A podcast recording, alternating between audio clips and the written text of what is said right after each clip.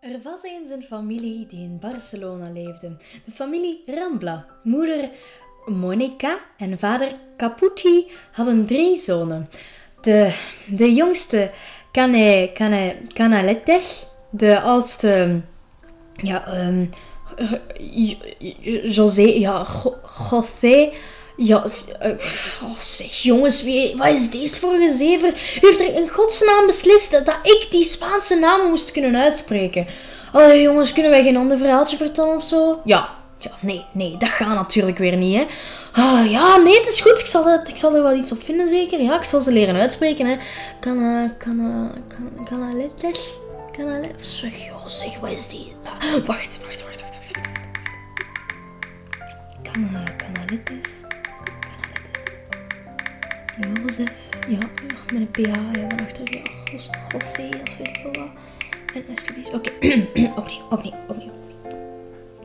Er was eens een grote familie die in Barcelona leefde. De familie Rambla. Moeder Mónica, en vader Caputi, hadden drie zonen. De jongste, Canaletes, de oudste Joseph, en die daartussen. Estudis, Het begon allemaal bij de jongste zoon. Canaletes, Hij was verzot op tijgers en wou er alles over weten.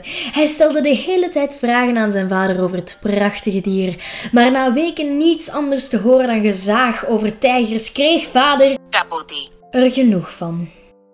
Zeg, wil je nu eindelijk een keer stoppen over die stomme beesten? Jij gaat nog een keer reïncarneren in een tijger. En nadat jongen Canaletes, had opgezocht wat het woord reïncarneren eigenlijk betekende, wou hij dit kost wat kost proberen. Volgens een legende was er een fontein in Barcelona waardoor je reïncarneert als je er een slok uitneemt. En toeval bestaat dat die fontein wel redelijk dicht bij het huis van de familie Rambla stond.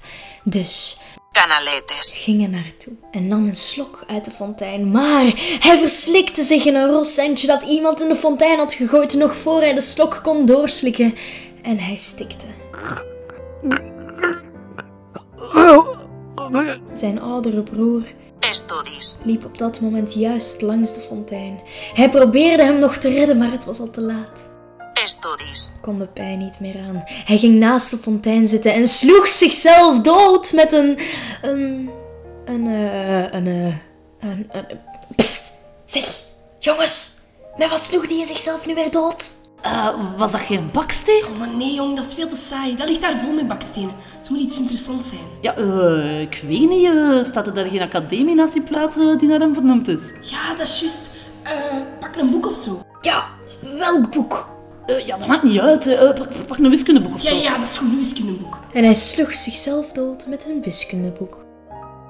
Toen de oudste broer Joseph, hoorde wat er met zijn broers was gebeurd, wou hij hun eren door bloemen op hun graven te leggen. De graven waren geplaatst op de plek waar ze gestorven waren, elk naast elkaar. Maar Joseph, was vergeten dat hij allergisch was aan bloemen en hij is naast zijn broers gestorven door een niesaanval.